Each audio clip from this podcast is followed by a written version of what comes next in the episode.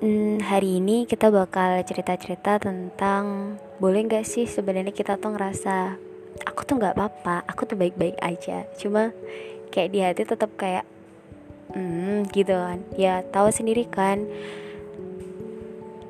gak apa-apanya orang itu kan beda-beda tidak apa-apanya orang itu beda-beda nah di sini aku nggak sendiri aku sama salah satu konselor yang menurut aku udah berkecimpung. Aduh udah menangani beberapa masalah dan klien-klien yang luar biasa. Di sini aku bareng sama Kak Kiki. Aku panggilnya Dek sih sebenarnya. Dek Kiki. Uh Dek Kiki. Nah ini salah satu konselor yang ada di Universitas Muhammadiyah Yogyakarta. Nah aku mau tanya tuh gimana sih? Sebenarnya kita boleh gak sih ngerasa baik-baik aja atau malah sebaliknya kayak gitu Oke, terima kasih. Wah, nggak hebat juga ya Mbak ya masih dalam tahap belajar gitu karena uh, saya sendiri juga masih istilahnya banyak lah perlu belajar gitu. Uh, kalau misalkan untuk bilang boleh nggak sih aku bilang ke diri aku untuk baik-baik aja kalau saya boleh mengatakan saya mungkin lebih tertarik untuk bilang gini I will be okay gitu. Aku akan baik-baik saja. Kenapa gitu? Karena ketika kita mengatakan kata aku akan baik-baik aja berarti kan ada kata akan di situ. Nah di situ berarti ada proses. Kita nggak mempush diri kita untuk selalu baik-baik saja tapi ada proses oke okay, kita akan baik-baik aja kayak gitu. Aku lebih uh, suka yang kayak gitu. Nah ketika kita bilang eh kamu harus baik-baik aja aja kayak gitu. Tuh kesannya kayak kita memaksa diri kita kayak gitu. Nah ketika kita memaksa diri kita kan otomatis kita nggak bisa mengerti sekarang tuh sebenarnya aku sedang gimana sih? Kayak gitu. Kayak sekarang apa sih sebenarnya yang aku rasain? Kayak gitu. Kita lari untuk uh, tahu itu kayak gitu. Untuk komunikasi dengan diri kita sendiri. Tapi ketika kita mengatakan I will be okay gitu. Aku akan baik-baik aja gitu. Di situ berarti kan ada proses di mana kayak kita oke okay, aku cari deh solusinya dan permasalahannya kenapa sih aku jadi begini kayak gitu. Terus bagaimana sih caranya aku untuk keluar dari ini kayak gitu. Nah di situ kayak uh, kita akan mengorek diri kita dan kita akan bertanya dan berdiskusi dengan diri kita sendiri. Kayak uh, hari ini kamu sedang kenapa? Hari ini kamu lagi uh, ngerasain apa kayak gitu. Nah di situ kan kita bisa komunikasi dan oh ternyata hari ini aku lagi capek banget. Oke okay, nggak apa-apa gitu. Jadi kita bilang kayak Eh, nggak uh, apa-apa kok kalau kamu capek istirahat aja dulu kayak gitu. Jadi kalau misalkan aku harus baik-baik aja aku, aku harus baik-baik aja itu kayak kesannya kalau misalkan kita sedang tidak kenapa apa ya sedang papa istilahnya kayak kita sedang capek kita harus uh, apa ya uh, harus memaksa diri kita untuk kamu harus bisa, kamu harus kuat, kamu nggak boleh lemah, kamu nggak boleh ini. Ini kan kayak kesannya kayak kita itu terlalu memaksa diri kita banget gitu loh. Nah padahal diri kita sendiri pun juga uh, butuh yang namanya istirahat karena itu salah satu dari bentuk kita self love ke diri kita sendiri kayak gitu self reward kita untuk ngasih waktu untuk diri kita buat istirahat kayak gitu sih mbak uh, kemudian kayak uh, misalkan kita bilang I will be okay aku akan baik-baik aja gitu. Kita uh, ketika kita ada emosi sedih kita ada emosi kecewa marah apa pun emosinya itu pasti kita rasakan dan kita luapkan emosi itu tapi dalam taraf yang positif kayak gitu. Uh, dan dan setelah kita luapkan emosi itu kemudian kita bangkit lagi untuk cari solusinya kayak gitu. Nah karena kan emosi itu seperti bom waktu ya. Ketika dia ditumpuk ditumpuk ditumpuk pada suatu ketika pasti dia akan meledak kayak gitu gitu mbak. Oh iya terus apa sih pandangan?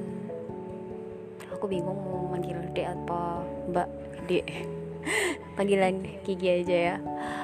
Pandangannya Kiki terhadap teman-teman yang mungkin belum mungkin masih masih apa yang ngerasa susah buat bilang aku tuh sebenarnya nggak baik-baik aja loh cuma karena ditanya sama orang terus bilangnya aku nggak apa-apa kayak gitu. Ibaratnya kita ngiyain semuanya padahal kita tuh gak bisa ngiyain semuanya. Nah itu kayak gimana? Hmm, oke. Okay. kalau menurut aku ya uh, lebih alangkah lebih baiknya kita mengakui diri kita kalau kita lemah gitu. Akan tetapi dibingkai dalam bentuk yang mungkin lebih nyaman untuk diri kita dengar dan untuk orang lain dengar kayak gitu. Misalkan kayak kita lagi capek tiba-tiba ada teman nih yang minta tolong uh, buat nganterin pergi misalkan kayak pergi belanja itu padahal kita dicapek banget kayak gitu. Nah ketika itu uh, kayak kita bilang aduh ma maaf ya uh, mungkin lain kali lain kali kali aku antar hari ini aku mau istirahat dulu. Atau hari ini aku lagi pusing banget nih tadi banyak kerjaan kayak gitu. Beda lagi kalau misalkan kita bilang kayak ih aku capek kamu pergi sendirilah. Itu kan dari intonasi suaranya pun udah berbeda itu pasti akan menimbulkan menimbulkan kesan yang negatif dari teman yang ngajak. Tapi ketika kita bilang kayak e, maaf ya kayak itu ada kata maaf ya e, maaf ya e, hari ini aku lagi capek aku banyak kerjaan tadi mungkin lain kali aku antar. Kayak gitu kan kayak kita uh, ngomongnya ke dia enak dan kita juga mengakui diri kita bahwa kita ya nggak sekuat itu kayak gitu. Nggak ngepush diri kita untuk selalu bisa sigap setiap saat kayak gitu loh sama orang lain kayak gitu. Jadi lebih ke kalau itu tuh kayak lebih ngebangun komunikasi asertif juga gitu loh ke teman kita kayak gitu. Nah di situ kayak kita juga harus bisa saling memahami. Kita harus ketika kita mau memahami orang lain ya kita juga harus bisa memahami diri kita sendiri kayak gitu. Karena kalau kita bisa uh, peduli dengan diri kita kita bisa mengerti diri kita pasti kita juga bisa peduli dan mengerti perasaan orang lain dan keadaan orang lain kayak gitu sih.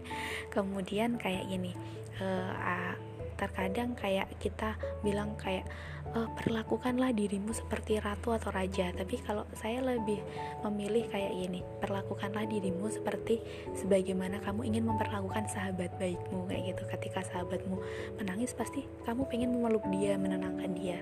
Sama kalau kamu lagi sedih ya kamu harus memeluk diri kamu sendiri. Kamu harus kasih kesempatan untuk diri kamu ngobrol dengan diri kamu sendiri agar kamu tahu gitu sebenarnya apa yang kamu rasain dan bagaimana sih solusinya untuk memecahin perasaan itu. Jadi kamu nggak apa ya nggak memendam perasaan itu dan kamu buang perasaan luka kamu itu ke alam akal bawah sadar alam bawah sadar kita. Karena kalau kita buang luka kita ke alam bawah sadar kita suatu ketika pasti akan kembali lagi kalau ada suntikan yang hampir mirip kayak gitu. Aduh duh banyak banget ya yang bisa digali dan ternyata mungkin kita semua pernah ngerasain kayak gitu kan ya. Mungkin uh, satu kali satu atau dua kalimat penutup buat teman-teman yang pernah ngerasain kayak gitu. Mungkin ada ada apa gitu? Motivasi atau apa gitu? Kiki Mbak Kiki. Oke mungkin sebagai penutupnya adalah uh, kalau dari aku aku selalu bilang ke diri aku sendiri bahwa I will be okay aku akan baik-baik aja. Kemudian kayak kata-kata positif untuk diri kita kayak misalkan aku adalah orang yang berguna aku adalah orang yang berhak untuk bahagia aku adalah orang yang bisa disayang semua orang kayak gitu. Ya walaupun kita eh, nggak bisa menutup kemungkinan bahwa nggak nggak mungkin gitu semua orang itu bakalan sayang sama kita respect sama kita. Pasti adalah beberapa orang yang mungkin gak setuju dengan apa yang kita lakukan kayak gitu. Tapi yang terpenting itu sih uh, perlakukanlah dirimu dengan baik sebagaimana kamu ingin memperlakukan orang lain dengan baik kayak gitu. Terima kasih banyak buat waktunya Mbak Kiki. Sekian podcast menerka epilog pada episode kali ini semoga podcast ini bisa berguna bagi teman-teman bagi yang sedang rasain dalam keadaan apa-apa. Gak apa-apa kok buat bilang aku lagi gak apa-apa. Eh bukan gitu. Aku dalam keadaan apa-apa. Jadi gak merlulu untuk ditutup-tutupin. Sekian dari saya ada kurang lebihnya mohon dimaafkan. Bye bye wassalamualaikum warahmatullahi wabarakatuh